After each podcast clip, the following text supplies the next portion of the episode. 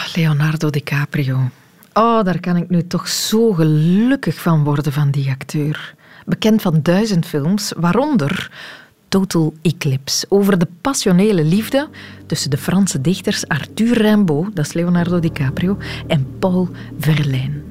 Die leren elkaar kennen in 1871 in Parijs na een korte briefwisseling. Verlijn heeft Rimbaud zijn gedichten gelezen. Hij is keihard onder de indruk en hij nodigt hem uit bij hem thuis. Op dat moment is Arthur Rimbaud 16. Verlijn is een pakje ouder. En Verlijn is ook getrouwd met Mathilde. Maar al snel wordt duidelijk dat zijn hart echt klopt voor Rimbaud en niet voor Mathilde. En er ontwikkelt zich een hartstochtelijke affaire tussen de twee. Dat zorgt voor problemen, natuurlijk. En dus besluit na een tijdje Verlijn zijn vrouw te verlaten, begint hij met Rimbaud rond te trekken in Europa en samen leven ze van de poëzie en de liefde en heel veel absint. Dat ook wel. En op een bepaald moment, ik raas nu even snel door hun leven, het is tenslotte maar de inleiding van de podcast. Op een bepaald moment komen ze in Brussel aan, in Hotel Liégeois klein hotelletje vlak bij de Brusselse Grote Markt. Het is intussen juli 1873 en het gaat niet goed tussen de twee. Ze hebben constant ruzie en in een waas van woede en allicht ook zattigheid koopt Paul Verlijn op 10 juli een pistool. Trekt hij ermee naar het hotelletje en hij vuurt twee maal op zijn grote liefde.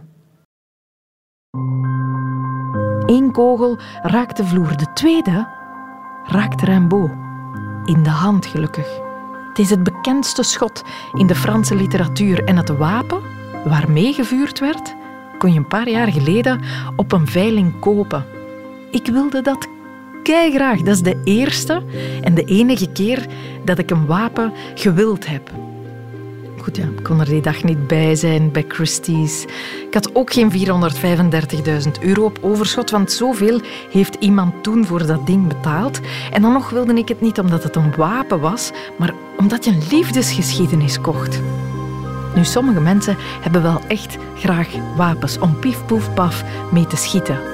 En dat heb ik altijd heel raar gevonden. Dus tijd om het daarover te hebben. Welkom in de wereld van Sophie.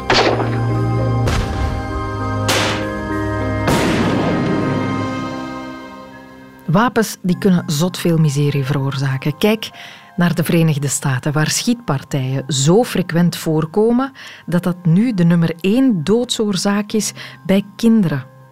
Door dramatische schoolshootings, bendegeweld, maar ook gewoon door stomme accidenten met wapens in huis. Ze hebben een enorme liefde voor wapens. Maar waar komt die eigenlijk vandaan? Wel, dat komt vanuit de pionierstijd, vertelde VRT-nieuwsjournalist en Amerika-kenner Bert de Vroei. Ja, er wordt vaak verwezen naar die pionierstijd, hè, toen uh, mensen uh, ook uh, diep het Amerikaanse binnenland introkken. En daar was het nog leeg en daar was het gevaarlijk en daar was het anarchie. Hè. De beelden van Texas of the Far West, de Wild West. Mm -hmm. Dat heeft natuurlijk bestaan en dat heeft ook een beetje een soort cultuur veroorzaakt misschien. het is soms ook wel begrijpelijk dat uh, wanneer mensen zich ergens vestigen in heel afgelegen gebieden, zoals het in de, in de 19e eeuw ook nog gebeurd is in het verre westen en zo van de States, dat men een wapen wil hebben om zich te verdedigen tegen mogelijke indringers. Als men op zo'n afgelegen boerderijtje, je kent de, de beelden wel uit westerns en zo. Maar dat, dat ging dan over, uh, ja, over geweren om, om zich te verdedigen, ook de jacht en zo. Het wordt vaak daarmee in verband gebracht. En een ander punt is natuurlijk, ja, het wordt ook in verband gebracht met die vrijheidsgedachten, hè, liberty. Uh, mm -hmm. De staat, niemand zal mij zeggen wat ik wel en niet mag doen. Het is, het is ook een soort heel ideologisch en geïdeologiseerd strijdpunt geworden om die vrijheid uh, te claimen. Wapenliefhebbers in de Verenigde Staten grijpen ook graag terug naar het tweede amendement in hun grondwet, waarin zoiets zou staan als dat er niet gemorreld zal worden met het recht op het bezitten en het gebruiken van wapens. Wel, dat uh, Second Amendment, en dan moeten we dus echt terug naar het einde van de 18e eeuw, toen Amerika zich uh, onafhankelijk verklaarde van de Britten, hè, van Groot-Brittannië. Um, toen werd bepaald dat Amerikanen eigenlijk uh, grondwettelijk het recht hebben om wapens te dragen, maar dat werd wel duidelijk gekaderd in het, in het kader van milities die mochten gevormd gevormd worden om zich te verzetten tegen een mogelijke tyrannieke overheid, tegenover een tyrannieke regering. Dus ze hadden net die onafhankelijkheidsstrijd tegen de Britten achter de rug. Dat was eigenlijk door milities gevoerd, die strijd. Oorspronkelijk waren dat milities, die werden georganiseerd tot, eh, tot een leger. Maar dat was eigenlijk de achtergrond. Het ging niet om het individuele recht op wapenbezit of wapens te hebben of te gebruiken. Het ging eigenlijk toen echt om die context van we moeten in staat zijn als burgers om ons tegen tyrannieke regeringen te verzetten. Hmm, daar gaat dat Second Amendment origineel over. Dat het ook gaat over de individuele burger en zijn of haar wapens, dat is eigenlijk een veel jongere interpretatie van dat stukje tekst. Maar goed, met dat papiertje wapperen de wapenliefhebbers wel als er discussie ontstaat over de wapenwetgeving. Klassiek gebeurt dat na elke dramatische schietpartij met vele doden. Maar waarom wint een zin uit een 18e-eeuwse tekst, een 18e-eeuwse mentaliteit, het van een moderne realiteit? Dode kinderen. Daarvoor moet je kijken naar de machtige wapenlobby in het land, de National Rifles Association. Die willen vooral veel wapens verkopen, die willen geen strengere wetgeving en dus richten zij zich, slim, tot de wetgevers. Zo'n NRA is zo machtig omdat die zich mengen in de verkiezingsstrijd. En dus niet alleen voor de president, misschien zelfs het minst van al, maar voor lokale politici, fijn lokaal. De mensen die in het congres zitten, in het Huis van Afgevaardigden, die vertegenwoordigen een district. Meestal zullen zij republikeinen steunen, want het is die partij die inderdaad voor het wapenbezit opkomt. Dat betekent dat ze niet alleen de campagnes zullen financieren van degenen die hun standpunt volgen, maar stel nu dat iemand zowel vier, vijf keer verkozen is. Je wordt maar voor twee jaar verkozen in het Huis van Afgevaardigden. En op een bepaald moment begint te pleiten voor beperkingen op wapenbezit. Wat zal de NRA doen? Ze gaan natuurlijk de steun intrekken voor de campagne van die persoon, die ze misschien ervoor wel gesteund hebben. En ze gaan ook een tegenkandidaat binnen de partij, hè, bij de voorverkiezingen dan, die mhm. gaan ze steunen. Dus ze maken niet alleen de politieke carrières, ze kraken ook de politieke carrières. Lobbygroepen zoals de NRA, niet alleen de NRA, maar dat soort groepen in Amerika, die kunnen echt mensen, politici, maken en kraken. Elke politicus die wapenwetten probeert te verstrengen, die gaan ze proberen kraken. En dat lukt hen ook. En zo gebeurt er niks. En is het eigenlijk telkens wachten op een nieuw drama en op nieuwe verontwaardiging. Wellicht is er een, eh, een republikeinse president nodig die, die dat wel kan doorduwen, die, die brede steun geniet en die dat ook een beetje kan depolariseren, dat thema, en dan redelijke stappen kan zetten, want uh, het, zit, het zit, zit echt wel vast. Als je dat hoort, dan kan je wel stellen dat wij hier pakje beter af zijn. We hebben een vrij strenge wapenwetgeving in ons land. Zeker sinds 2006. Dat is het jaar waarin Hans van Temse in Antwerpen op een dag een wapen kocht en een tweejarig meisje en haar oppas op straat doodschoot. Dat was een geweldig drama. En om dat soort drama's te vermijden, is er van alles aan de wapenwet veranderd. Bij ons kan dat dus wel, de dingen veranderen. Voor wie onze wapenwet niet zo goed kent, dit zijn de grote lijnen. U vertelt door directeur van het Vlaams Vredesinstituut, Niels Dukke. Wel, voor de overgrote meerderheid van de wapens eh, in België heb je een vergunning nodig. En dat betekent mhm. dat je eigenlijk een vergunningsaanvraag moet gaan doen bij de provincie, want van je woonplaats. En dat je moet voldoen aan een aantal voorwaarden. Je mag bijvoorbeeld eh, niet veroordeeld zijn voor bepaalde criminele feiten. Je moet een medisch attest hebben om aan te tonen dat je fysiek en mentaal met een wapen kan omgaan. Mhm. Je moet ook kunnen bewijzen dat je de wetgeving kent en dat je ook op een, op een goede manier met een wapen kan omgaan. Uh, en, je, en dat is belangrijk ook, ook de, ook de politie, de lokale politie, wordt om een advies gevraagd. Dus niet enkel die veroordelingen, maar ook de zogeheten zachte informatie wordt meegenomen. En dat betekent dus, als je bij de politie bekend staat als iemand met bijvoorbeeld een alcoholprobleem en echtelijke ruzies, dan is de kans zeer groot dat je inderdaad een negatief advies gaat krijgen en dus geen vergunning gaat krijgen. Eens de vergunning binnen is, Waar mag je je wapen dan gebruiken? Wel, een vergunning krijg je enkel als je kan aantonen dat je een zogeheten wettige reden hebt. In de wapenwet staan een aantal redenen waarvoor het bezit van wapens mogelijk is. Ik denk bijvoorbeeld aan het sportief en het recreatief schieten, dus mensen die naar de schietstand gaan, maar ook jagers, verzamelaars en in sommige gevallen, zeer uitzonderlijke gevallen, bijvoorbeeld ook voor zelfverdediging.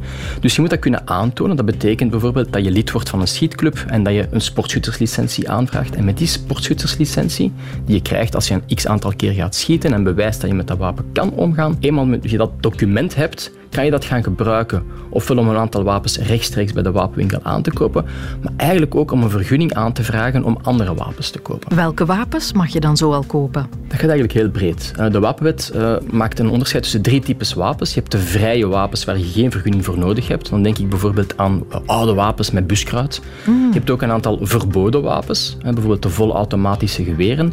Maar alles daartussen is vergunningsplichtig. Dus dat gaat van pistolen, revolvers, jachtgeweren tot en met semi-automatische aanvalsgeweren. 800.000, zoveel zijn er ongeveer in ons land, geregistreerde wapens. De illegale markt, daar is uiteraard minder zicht op. Moeten we naar gissen, maar allicht vind je het merendeel in de wereld van de drugscriminaliteit. Het gaat over tienduizenden stuks waarschijnlijk weet dat heel veel van die wapens ook uit voormalig Joegoslavië komen. Ah, ja? Maar ja, wapens vanuit de oorlog, hè, van de oorlog van de jaren 90, die wapens zijn vaak in handen gevallen van mensen met criminele bedoelingen, worden dan gesmokkeld en belanden dan ook in Brussel, in Antwerpen, in Luik. Er zijn ook wapendiefstallen en zo, maar dat oorlogsverhaal dat trok wel mijn aandacht. Omdat we namelijk nu ook met een oorlog zitten.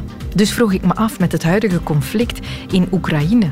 Dan vormen de wapens die daar nu circuleren binnenkort mogelijk een probleem voor ons. Daar, daar, vrezen wij al een aantal jaren voor. Al voor dit conflict waren er al grote vrezen, ook bij Europol, van ja, wat gaat er gebeuren met al die wapens? Het gaat over miljoenen wapens in dat land. Nu met het huidige conflict is de situatie alleen maar verergerd. Er zijn nog meer wapens in omloop en nog minder controle. Dus wij verwachten de komende jaren een toevloed van wapens uit Oekraïne. Interpol gaat zijn kuitjes mogen insmeren de komende jaren, want wat daar allemaal aan wapens circuleert, dat is wel echt de moeite. De wereld Sophie. Je luistert naar De Wereld van Sophie, een podcast, maar ook een radioprogramma. Dat kan je elke weekdag horen op Radio 1. Dat is telkens tussen 10 uur en 12 uur. Beetje sluikreclame, zomaar tussendoor. Over naar Daniel Beets. Die hebben we opgezocht. Daniel is een echte wapenliefhebber en een hobbyschutter. Naar eigen zeggen is hij ook al meer dan tien jaar actieve verdediger van de Belgische wapenliefhebber. Hij is totaal niet te vinden voor al te strenge reglementeringen op wapenbezit en wapengebruik. Want voor hem zijn wapens het probleem niet. Elke week trekt hij met zijn wapenkoffer in de hand naar de schietclub in Waver. Een club met zo'n 3000 leden. En het is ook daar dat Brecht de Volderen hem sprak de schietsport wordt uit, uitgeoefend door, uh, door mensen die van alle ouderdommen, dus er zijn veel gepensioneerden, ook mensen die uh, in beroepsverband overdag uh, niet werken, dus je hebt mensen die nachtwerk doen en die overdag komen schieten. Dus je hebt altijd wel een op en af in een in de schietstand. Dus ja, zelfs overdag. Hè. Dag- en nachtwerkers, moet je wakker zijn om hier te komen schieten? Uh, op te schieten, ja, moet natuurlijk zeer opmerkzaam zijn. Uh, de schietsport is iets, is een sport waarbij dat je moet uh, voorzichtig zijn. Dus ja, daarvoor moeten wakker zijn, absoluut. Is dat vermoeiend? Het schieten is... is ik zou zeggen, dat schieten is niet vermoeiend. Het schieten is eerder ontspannend. Mensen die, die stresserend werk doen, vinden de, het schieten als een, een zeer ontspannende bezigheid. Ja het feit dat, dat, dat je moet geconcentreerd zijn, dat, dus dat je alleen geconcentreerd bent op je schieten, maakt al dat je je hoofd leeg maakt. Plus dan nog eh, de, het feit van de ontlading tijdens het schieten zelf is ook, ook uh, ontspannend. Ja. Er komen met de bezoekers ook heel wat wapens binnen. Hè? Dit zijn allemaal gewapende mensen. Ah, ja, dat is de bedoeling van de schietstand. Dat is dat de mensen met je wapens komen schieten. Dus uh, mensen komen soms schieten met één wapen, maar sommige mensen komen ook schieten met verschillende wapens. Maar je laat die niet achter in de club, je neemt die mee naar huis? Of? Uh, de wapens die mogen niet achtergelaten worden in de club. Nee. De wapens moeten thuis bewaard worden. En hier ook bij het schieten, de mensen komen met hun wapens binnen, uh, gaan schieten en gaan terug met hun wapens buiten. De wapens mogen niet bewaard worden in de cafetaria en mogen ook niet in de schiet, op de schietbaan achtergelaten worden. Dus ze moeten opgesloten worden in de, in de koffer van de wagen. Maar je mag na de sport, na de wedstrijd, niet een pintje drinken en je geweer tegen de toog zetten. Hè? Nee, nee, dat is is compleet verboden in België. En zelfs het, het uh, drinken van een pintje voor te gaan schieten is ook verboden. Dus uh, onder de middag zijn er veel uh, jongere mensen die komen schieten, onder het middaguur. En dan na 16 uur dan heb je natuurlijk veel, veel mensen die gaan werken die dan daarna komen schieten. En dan heb je als wapenliefhebber zo echt iets van, oh, het is lastig een dag op het werk, ik ga nog even schieten. Ja, er zijn veel mensen die, zo, die, ja, die, die zich uh, komen ontspannen hier na, na een, zware dag. Die komen profiteren om uh, hun hoofd volledig leeg te maken en uh, eens te komen schieten. Ja, ik moet zeggen, ik heb dat ook. Als je een stresserende dag gehad hebt en je komt zo schieten, dan zet je zo even af zo... je voelt je leeg, ontspannen zo. Goed, gezond leeg zo. Dus dat is, dat is een, een heel aangenaam gevoel. Dat was geen knal, hè? Uh, ja, dat was wel een knal, ja. ja. Was dat geen deur, gewoon? Uh, nee, als de deur, als er verschillen, zijn drie deuren. Als er twee deuren open zijn, dan kun je de knal horen ja, vanuit de schietstand. Nou, dat is dus 9 mm.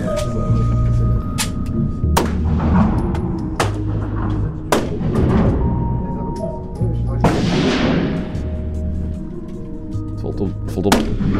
Valt op dat ik nieuw ben. Ik spring nog telkens omhoog bij is iemand die... Uh... Dus dat is iemand die leert schieten. Dus op middaguur, dat is waarschijnlijk heeft die persoon uh, zijn, zijn, middag, zijn middagpauze. Even ontspannen. Ja.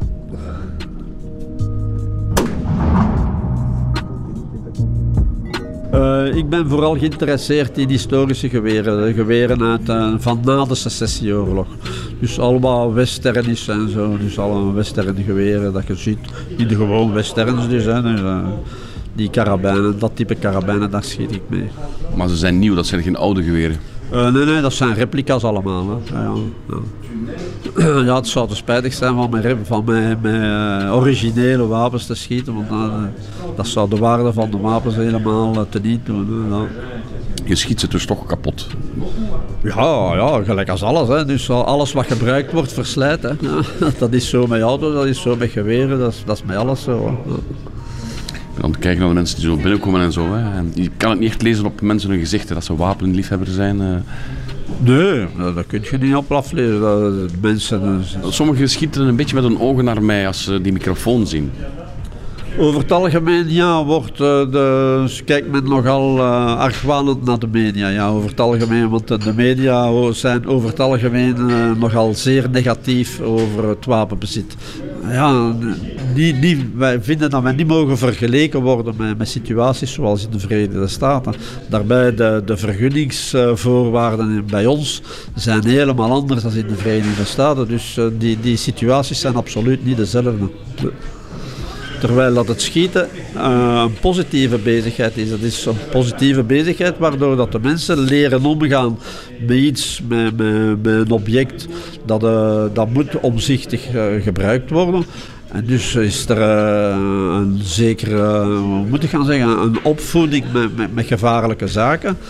En aan de andere kant is het de schietactiviteit is, is bijzonder ontspannend. En vooral dat is een activiteit, een sportactiviteit die kan uitgeoefend worden door mensen die fysisch minder, uh, minder, ja, minder fit zijn. Het zien er allemaal vredelievende mensen uit eigenlijk, hè? De mensen die hier komen, die zijn zeker vredelievend, want die zijn al honderden keren gescreend. En dan worden ze nog eens om de vijf jaar verder gescreend om te zien dat ze toch nog altijd wel voldoen aan de voorwaarden die voorzien zijn. Dus ja, mensen die, die, die wapens hebben, zijn niet vredelievend omdat ze wapens hebben, maar die zijn gewoon vredelievend. Die hebben, krijgen gewoon wapens omdat ze vredelievend zijn.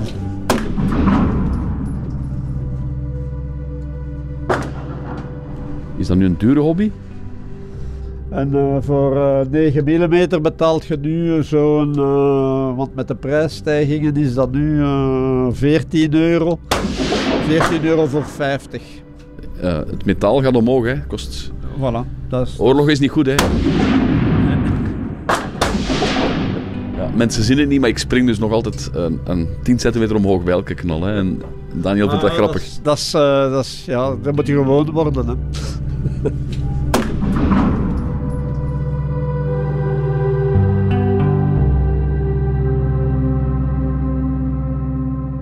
Is het afschaffen van wapens in onze maatschappij geen oplossing voor iets?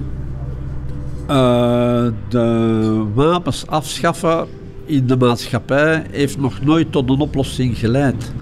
Men kan dat zien uh, in de communistische landen waar de wapen, wapens dus het wapenbezit afgeschaft werd bij de bevolking, zoals dat was in de Sovjet-Unie, in, uh, in China, in Cambodja, waar de overheid ervan geprofiteerd heeft om die, dat wapenverbod een deel van hun bevolking doodgewoon te vermoorden, omdat die een beetje in de oppositie zaten.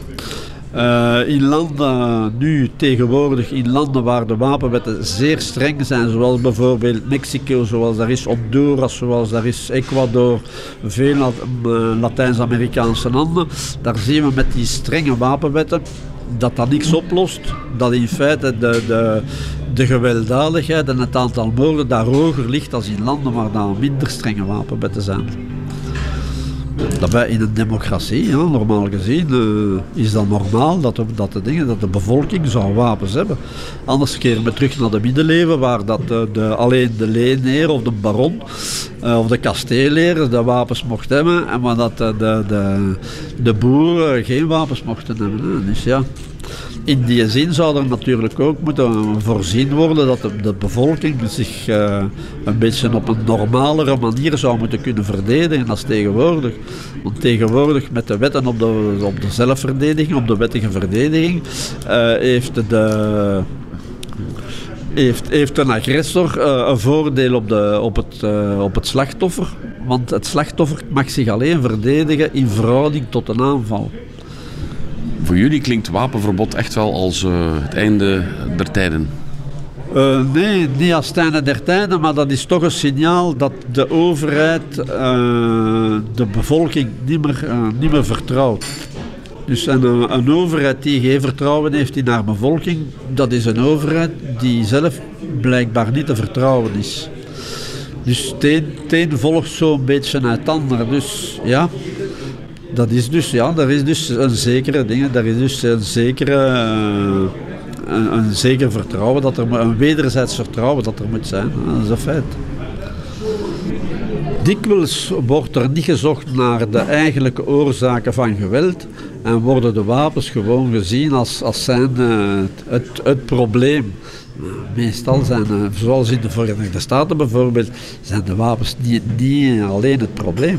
En daar is daar een, soort mentaliteit. Uh, is, is nu de opvoeding of is dat nu een gewoon mentaliteit, een ingevoerde mentaliteit? Misschien, ik weet het ook niet. In elk geval, de mentaliteit is daar wel anders.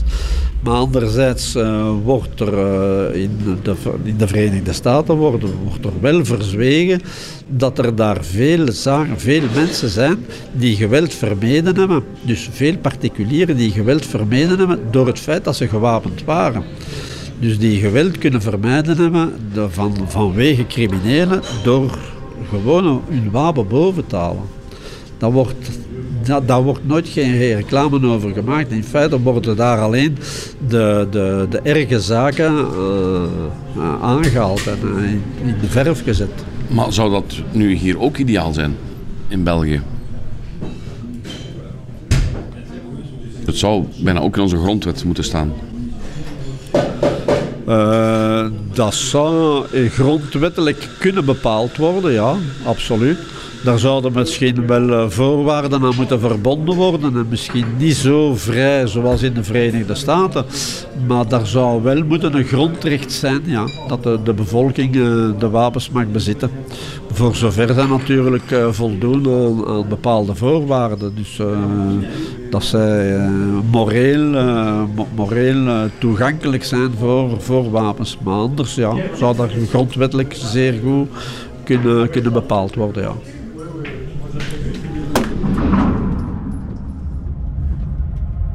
Ondanks alle statistieken, ondanks de harde cijfers, gelooft deze wapenliefhebber, net als de Amerikaanse NRA en vele republikeinen, niet dat wapens het probleem van wapengeweld zijn.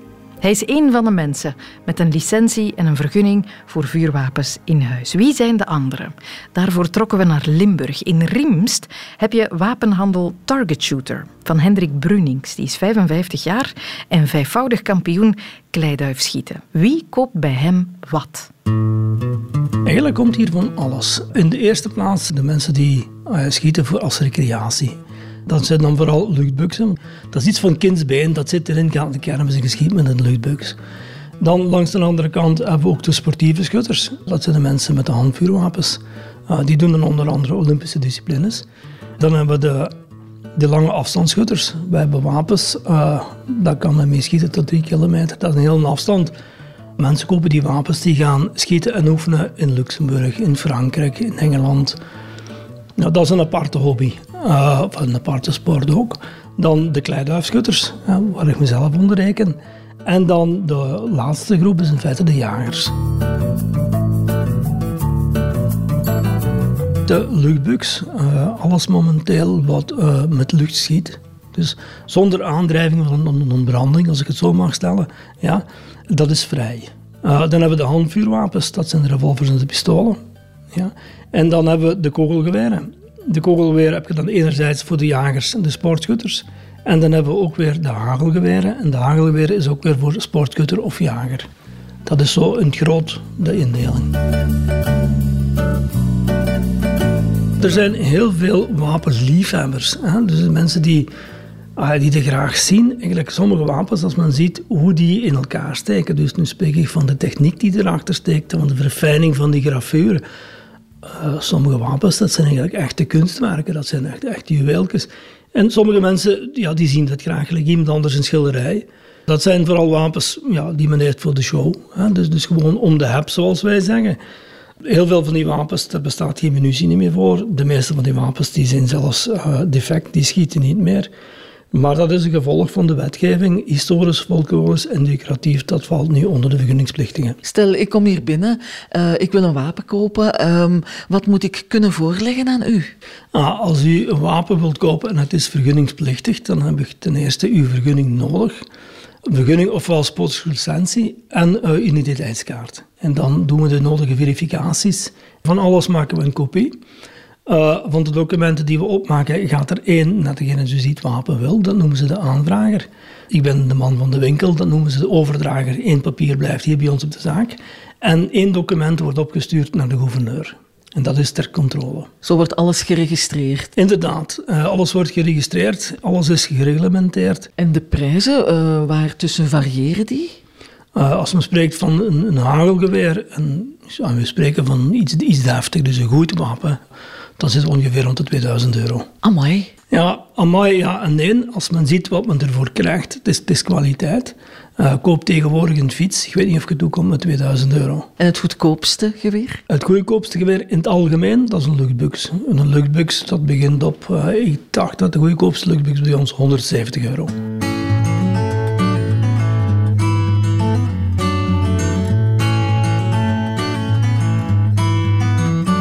Komen zowel mannen als vrouwen over de vloer. Bij vrouwen is er een klein verschil. En mannen zijn groot, klein, dik, dun, mocht het in kleuren. Bij vrouwen geldt dat ook, maar vrouwen hebben dus ook nog borsten. Maar spreken we over lange wapens, dus de kogelgeweren of de hagelgeweren, een vrouw dient het feite een wapen iets anders aan te nemen of te schouderen als een man. En dan gebeurt het dat we de wapens aanpassen aan de dames. Heeft u zo'n geweer hier dat zo aangepast is? Ja. Ah ja. Dat is typisch een wapen voor dames. Dus het is een hagelgeweer. Wat is er gebeurd? Die kolf die is iets meer naar onderen geplooid. dus de, de, kolf dat is hetgeen wat men tegen de schouder zet. En ook de lengte van de kolf is iets korter. En meestal nemen ze voor de, voor de dames ook iets lichtere wapens, maar dat is niet specifiek nodig. Nee, als een wapen past, en, uh, dan volgt het het oog, zeggen wij altijd.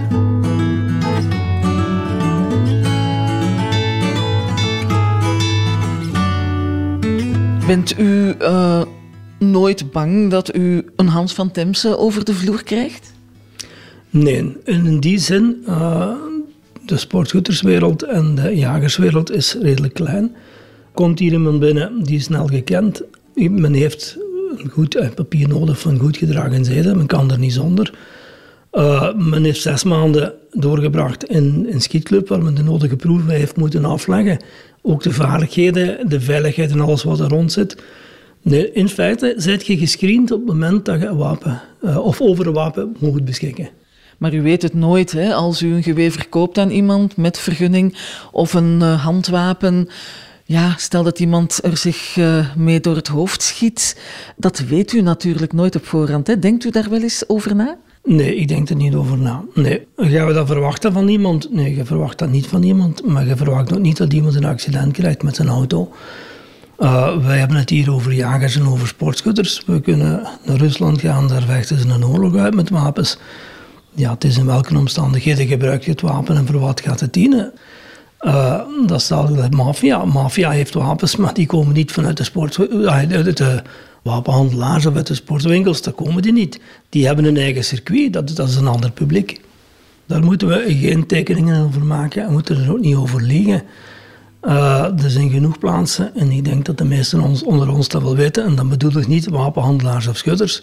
Maar de mensen die echt wapens willen hebben, die weten waar ze ze moeten vinden. En die gaan niet naar een wapenwinkel. Dat is de laatste plaats waar ze naartoe gaan. Dus daar is ook een, uh, een ondergrond circuit voor, een zwart circuit voor? Dat is er altijd geweest. Uh, wij zeggen, dat is nu, uh, mocht me niet nemen op hetgeen wat ik zeg, maar wij zeggen altijd, neem het treinstation, zoek er het donkerste café en probeer Ginderens. Nu, dat is, dat is uh, kort door de bocht gezegd, maar die wapens, die zijn er altijd.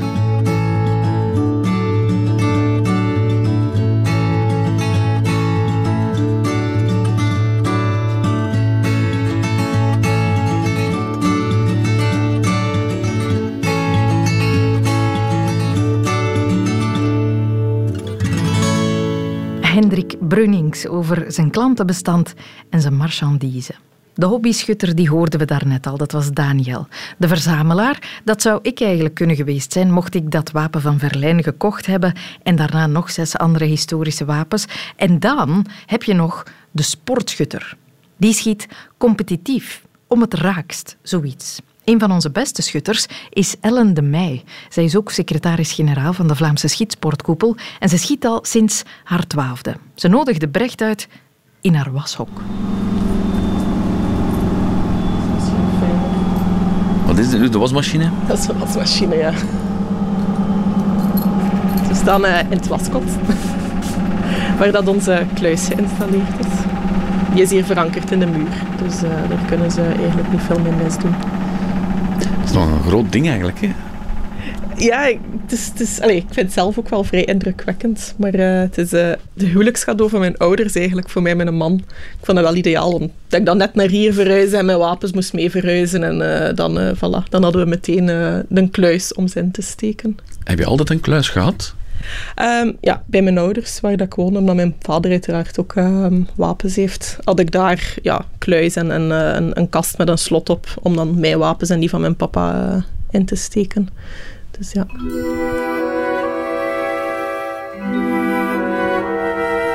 Je man is ook uh, een schutter. Ja, die schiet zowel doel als klei. Dus die doet eigenlijk de combinatie ja, omdat hij het ook een stukje van zijn papa meegekregen heeft. Ah, dus eigenlijk de eerste vraag is beantwoord. Hoe begin je daaraan? Het komt echt met de paplepel bij jou? Bij mij wel, ja, ja, ja. ja. Ik was uh, ja, net geen twaalf jaar als ik met mijn papa voor de eerste keer mee kon naar de schietclub. En dan uh, had hij een pistooltje voor mij, een, eh, een luchtpistool. En dan uh, ja, zou ik er proberen en merken dat je dat tof vindt en dat je daar eigenlijk wel goed in bent.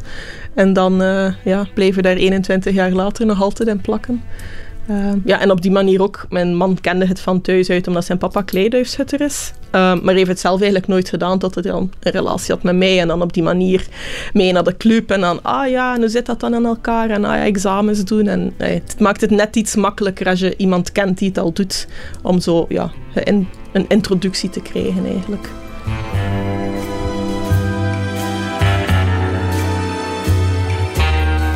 luchtpistool. Ja, dat is waar dat ik mee begonnen ben.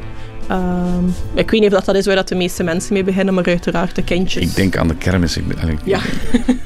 ik ben niet verder geraakt eigenlijk ook dan de kermis, eerlijk gezegd. Ja. Nee, dat kan ik me voorstellen. Kijk, dat is eigenlijk... Ja, dat is dan een, een, een bobon voor luchtpistool, dus dat is, dat is redelijk klein, maar dat wordt dan opgeladen met perslucht. Dus je ziet hier de, de druk. En dat is voor kindjes? Ja, er zijn ook nog heel veel volwassenen die ermee schieten. En een aantal jaar geleden zijn we daar voor, uh, ja, denk mensen vanaf, even denken, 50 of 60 jaar, die dan eigenlijk ook opnieuw met steun kunnen schieten. Om ervoor te zorgen dat ja, onze mensen ook langer kunnen blijven schieten en toch mooie resultaten kunnen halen. Want dat is wel wat gewicht om met één hand of karabijn met twee handen te, te, stabiliseren. Dus ja, steun, je begint ermee als, als, ja, als, moest je, als je als kindje ermee start. Uh, maar je kunt er ook mee eindigen als volwassene. Dat is de lichte vorm. Ja, ja, ja. Dat die, steek je, die steek je niet in de brandkast? Uh, ja, die zitten ook in de, in de kluis, gewoon om ze veilig te houden. Oh, eh, er loopt hier ook uh, een klein pahadderke rond. Dus je wil niet dat er iets mee, mee gebeurt.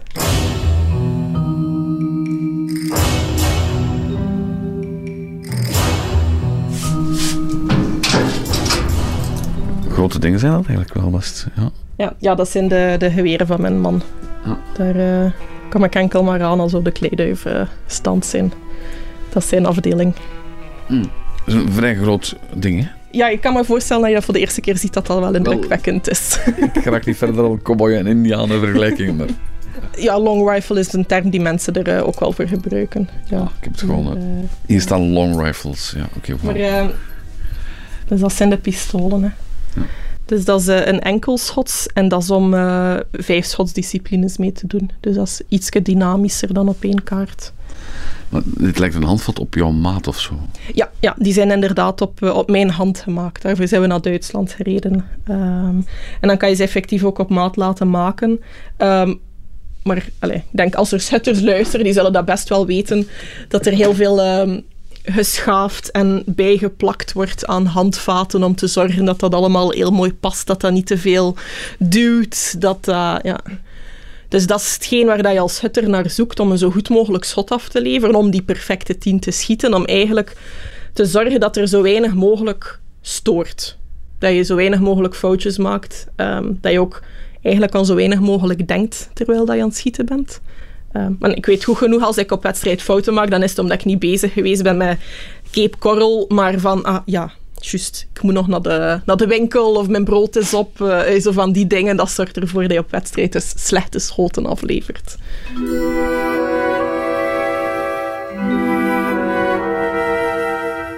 Worden deze twee wapens gevreesd in het uh, sportcircuit? Goh. Ik moet eerlijk zeggen, moest ik meer tijd hebben om te trainen, misschien wel. Ik heb, um, toen ik me echt toegelegd heb op de vijf schots, um, en dat wil zeggen dat ik echt elke week ging gaan trainen met iemand die erin gespecialiseerd was om vijf schots te schieten, heb ik het Vlaams record op mijn naam gezet. Maar ik denk dat dat al dateert van 2016. Um, ja, en dan ondertussen um, studeer ik niet meer, maar werk ik. Heb ik een kindje, zit ik in het bestuur van onze sportfederatie. Dus allemaal zaken die meer tijd opslorpen. Um, dus de tijd dat ik effectief nog doorbreng op de schietstand om te trainen, is, uh, is een pak beperkter dan, uh, dan een paar jaar geleden. Maar uh, ik doe het nog altijd ontzettend graag. Ondanks het feit dat het wel lastiger wordt omdat ik eigenlijk te weinig train.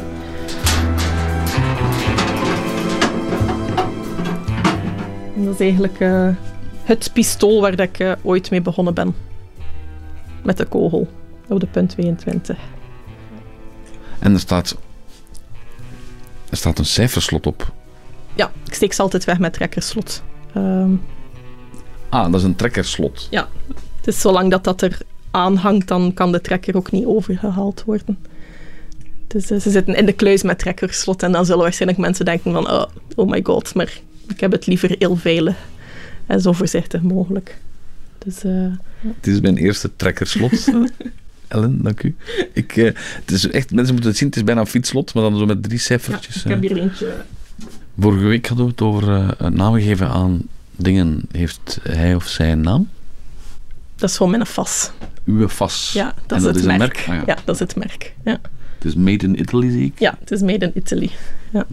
Dat is het wapen waar dat ik ja, de eerste keer mee geschoten heb, mijn eerste wedstrijden mee gedaan heb, waar dat er ook meteen een klik mee was. Um, ik heb al wapens gehad waar dat ik geen klik mee had en die zijn dan ook terug verdwenen. Uh, die zijn verder, die zijn doorverkocht omdat ik er op wedstrijd ook niet goed mee presteerde, omdat ik het wapen niet vertrouwde. Het, was, het ging niet. Dus uh, ja. En dit was liefde? Ja, ja, ja inderdaad.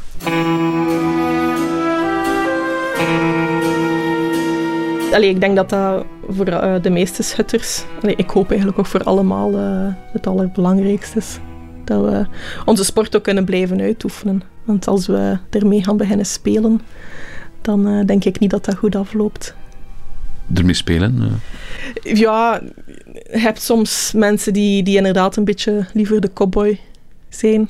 Um, dan dat ze nadenken als het over wapens gaat. En dan denk, breng je denk ik de sport in gevaar. Maar. Cowboys, worden die zo genoemd bij jullie? Goh. Ja. Ja. Allee, ik denk dat je altijd uh, mensen hebt die graag met uh, de zwaardere kaliber schieten. Uh, maar ook dan als alles veilig verloopt, is dat, is dat het probleem niet. Het is maar op het moment dat het niet veilig verloopt dat het problematisch wordt. Allee, ik weet nog, als ik vroeger vertelde, als ik in school zat, van wat ik als sport deed, dan kreeg ik meteen als opmerking dat ik gevaarlijk was. Denk ik, ja, bitte, mijn man doet karate. Als hij iemand een trap tegen het hoofd verkoopt, wat dat veel makkelijker is, want mijn wapens zitten in een kluis achter slot en grendel.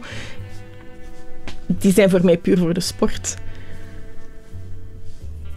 Dus ik ben niet gevaarlijk. Maar mensen zien het effectief niet als een sport. En dat is, dat is een beetje het jammere eraan. Oké, ja, een wapen is gevaarlijk. Even hoe, zoals dat een auto gevaarlijk is, zoals dat een, een keukenmes gevaarlijk is. Maar je er met je volle verstand mee omgaat. En je doet alles zoals dat het hoort. Oh, nergens zo vrij als in Amerika, hè, met wapens. Ja. Wat denk je daarvan? Dat ze misschien net iets gestrikter zouden mogen zijn versta de Second Amendment, maar als je ziet wat dat, dat allemaal teweeg brengt in Amerika, dan moeten ze er toch misschien een keer over nadenken om uh, iets meer controle uit te oefenen.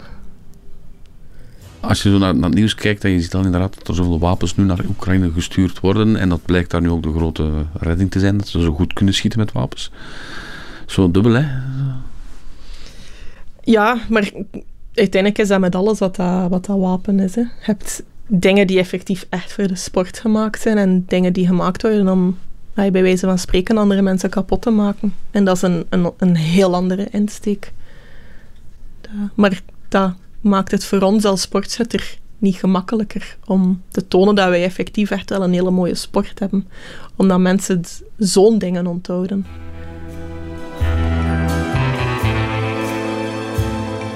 Dankjewel om mij te ontvangen thuis. Um, ik zit de hele tijd te denken, Ellen, ik wil jou in mijn lasershooting team. Want volgens mij ben jij erg nuttig. Ja, waarschijnlijk wel. Maar uh, dat is niet iets waar ik eigenlijk geneigd ben om te doen. Niet, je wil niet meedoen? Nee, dat is dat voor mij echt heel, heel ver van wat aan mijn sport eigenlijk is. Dat is zo schieten op andere mensen. Dat, ja, dat is zo maar mijn, mijn kinderen spelen dat nu op lentefeestjes en zo. Dat is, dat is wat de kinderen nu doen, hè? Ja, waarschijnlijk. Maar uh, ja, ik heb daar zo mijn eigen idee over. Dat is, uh, voor mij is dat, ja, dat staat te ver van mijn sport af. Dat is niet iets wat ik zelf zou doen. Jouw kind mag dat niet doen? Liever niet, nee.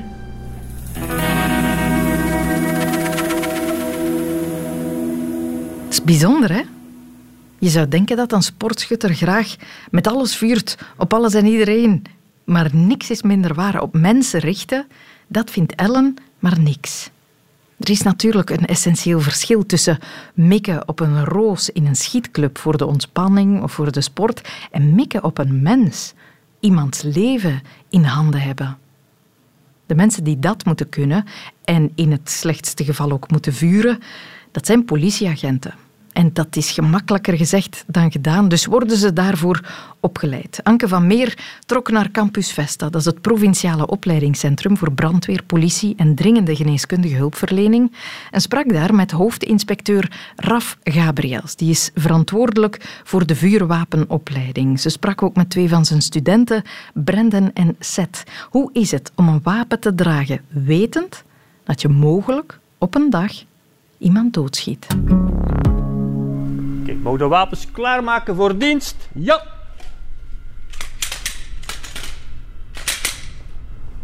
Doelen gaan zo dadelijk verschijnen. U gaat reageren met één schot. Één schot vanuit het holster. Opgelet.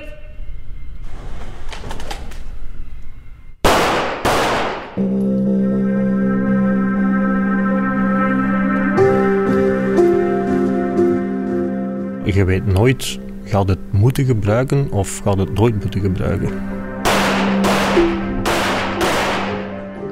Dat is schokken. Dat, je weet dat niet.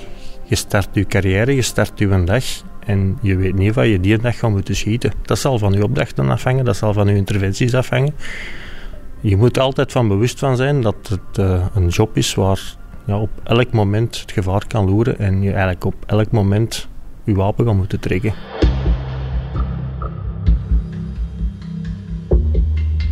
Wij trainen eigenlijk mensen met de hoop en de bedoeling om het nooit te gebruiken. Zo, hier komen we eigenlijk op de eigenlijk schietstand. Uh, Campus Vesta heeft een schietstand van uh, 12 banen met draaiende doelen. En daar liggen foto's. Um, worden die op die, ja, op die panelen de, gehangen? Dat zijn dus de, de doelen en die worden dan eigenlijk op die platen gehangen. En dat is dan eigenlijk het doel waarop de, de mensen, de schutter, moet schieten. Op een tekening van een man? Op een tekening van een man, omdat ja, de dreiging ook meestal van een persoon komt. Hè. Als leerlingen voor het eerst moeten schieten, dan zien wij voornamelijk stress. Um, de impact van een schot is toch wel zodanig straf. Een schrikreactie, uh, zeker als mensen geen voorkennis hebben van vuurwapengebruik, dan, dan geeft dat toch wel effect op mensen van oei, het maakt veel lawaai, het geeft een bepaalde terugslag. Dus er gebeurt eigenlijk als het ware een ontploffing in hun handen. En daar, dat verwachten mensen niet altijd. Wij zijn Brennen en Sit. Wij zijn allebei aspirant-inspecteur. En uh, hopelijk in december zullen wij afstuderen als uh, volwaardige inspecteurs. Anders mogen jullie eerst uh, insteekloop verwijderen. Ja. De eerste keer het wapen eigenlijk echt in handen krijgen was denk ik februari of maart ongeveer. En dat gaf toch wel een speciaal gevoel omdat je toch wel iets, iets dodelijk vast hebt. Je hebt wel iets in handen dat het lot van het leven van iemand anders kan gaan bepalen. En dat verricht wel een totale concentratie.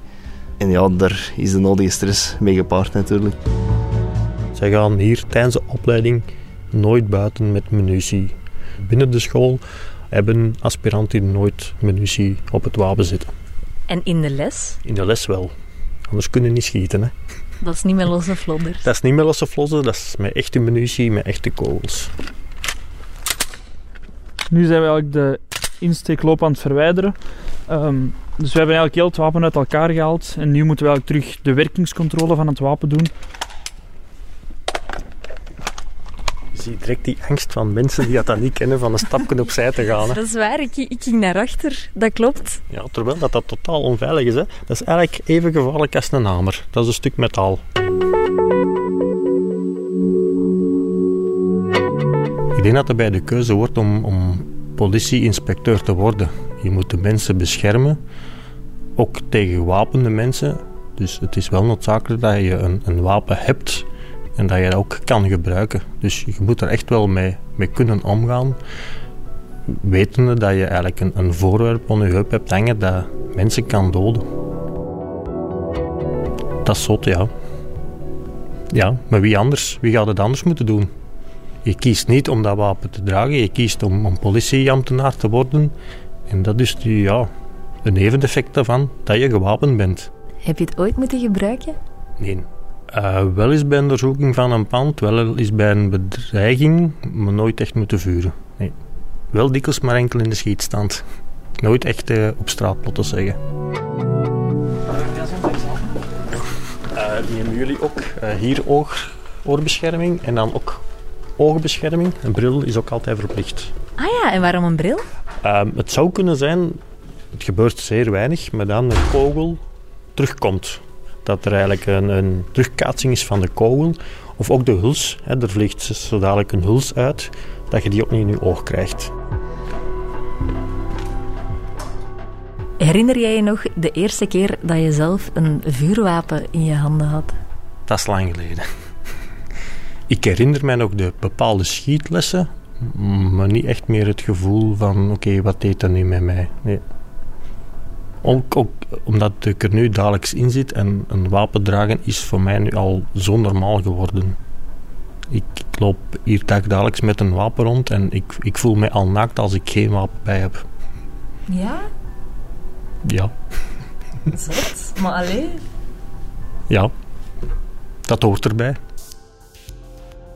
In het begin als je dat draagt, en dan kijk je er zo wel eens een keer naar, maar op den duur wordt dat echt gewoonte. Dat is, ja...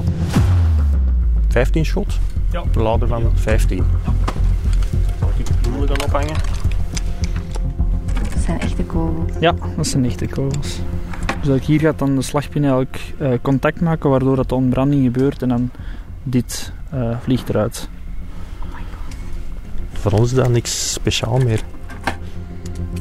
Hoe vaak gebeurt het eigenlijk dat een politie in zijn of haar carrière echt moet schieten? Als je moet zeggen hoeveel kans heb ik nu dat ik ga moeten voeren, is die, vuren, is die kans wel heel klein. Maar ze bestaat.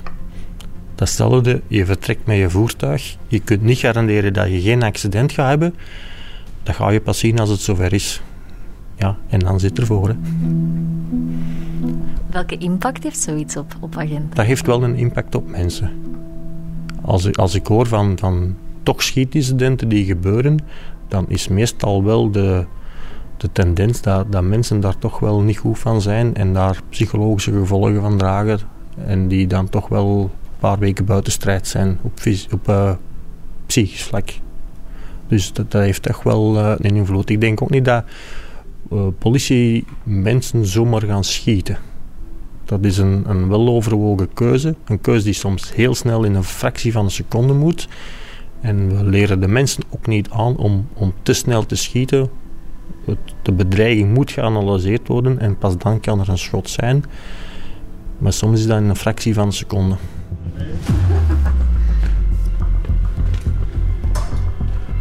Klaar voor? Ja, hopelijk. Ja, ik hoop het. Oké, voor iedereen. Plaats oog-oorbescherming. In de low ready blijven staan. Low ready. Reageren met één schot.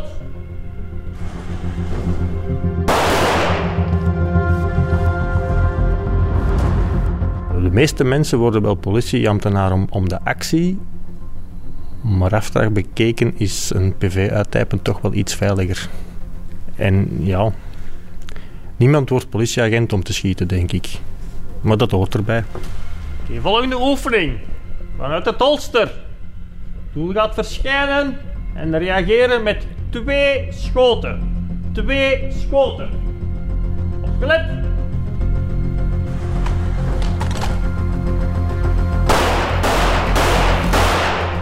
We gaan uitstappen naar links. Uitstappen naar links. En reageren met één schot.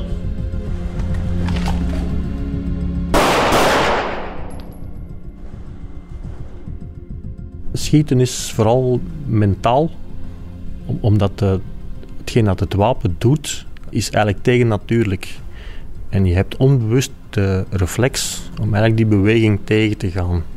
Je moet eigenlijk het vuurwapen gebruiken zonder daarover na te denken. Want als je erover nadenkt wat dat, dat wapen in je handen gaat doen, dan krijg je bepaalde compensaties en gaat je je doel niet raken, gaat je het lang schieten.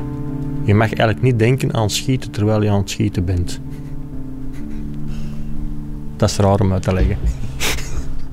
Oog-oorbescherming af. En zo mogen ze naar de resultaten gaan kijken. En? Hoe hebben we het gedaan? Deze is allemaal eigenlijk vrij oké. is allemaal in de vijf punten, dus eigenlijk het maximum. En eentje hier eh, op de lijn van de drie en de vier. Dus eh, ik ben wel best tevreden. Ja, ik ben ook wel best tevreden. Ik heb een, eh, toch wel een goede groepering in het midden. En in zijn kin geschoten. Ja, inderdaad, in zijn kin.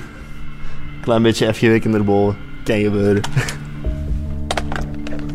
Dat is eigenlijk mijn drijfveer. Dus die twee personen die, die hadden tot over een x aantal maanden nog nooit een vuurwapen vast gehad. En we kunnen nu zeggen dat dat eigenlijk toch wel geoefende schutters zijn die op een veilige manier met hun wapen kunnen omgaan. Ik hoop gewoon dat ik het nooit niet moet gebruiken, want om te bepalen leven en dood van een ander, voor die keuze wilde gewoon totaal niet komen te staan.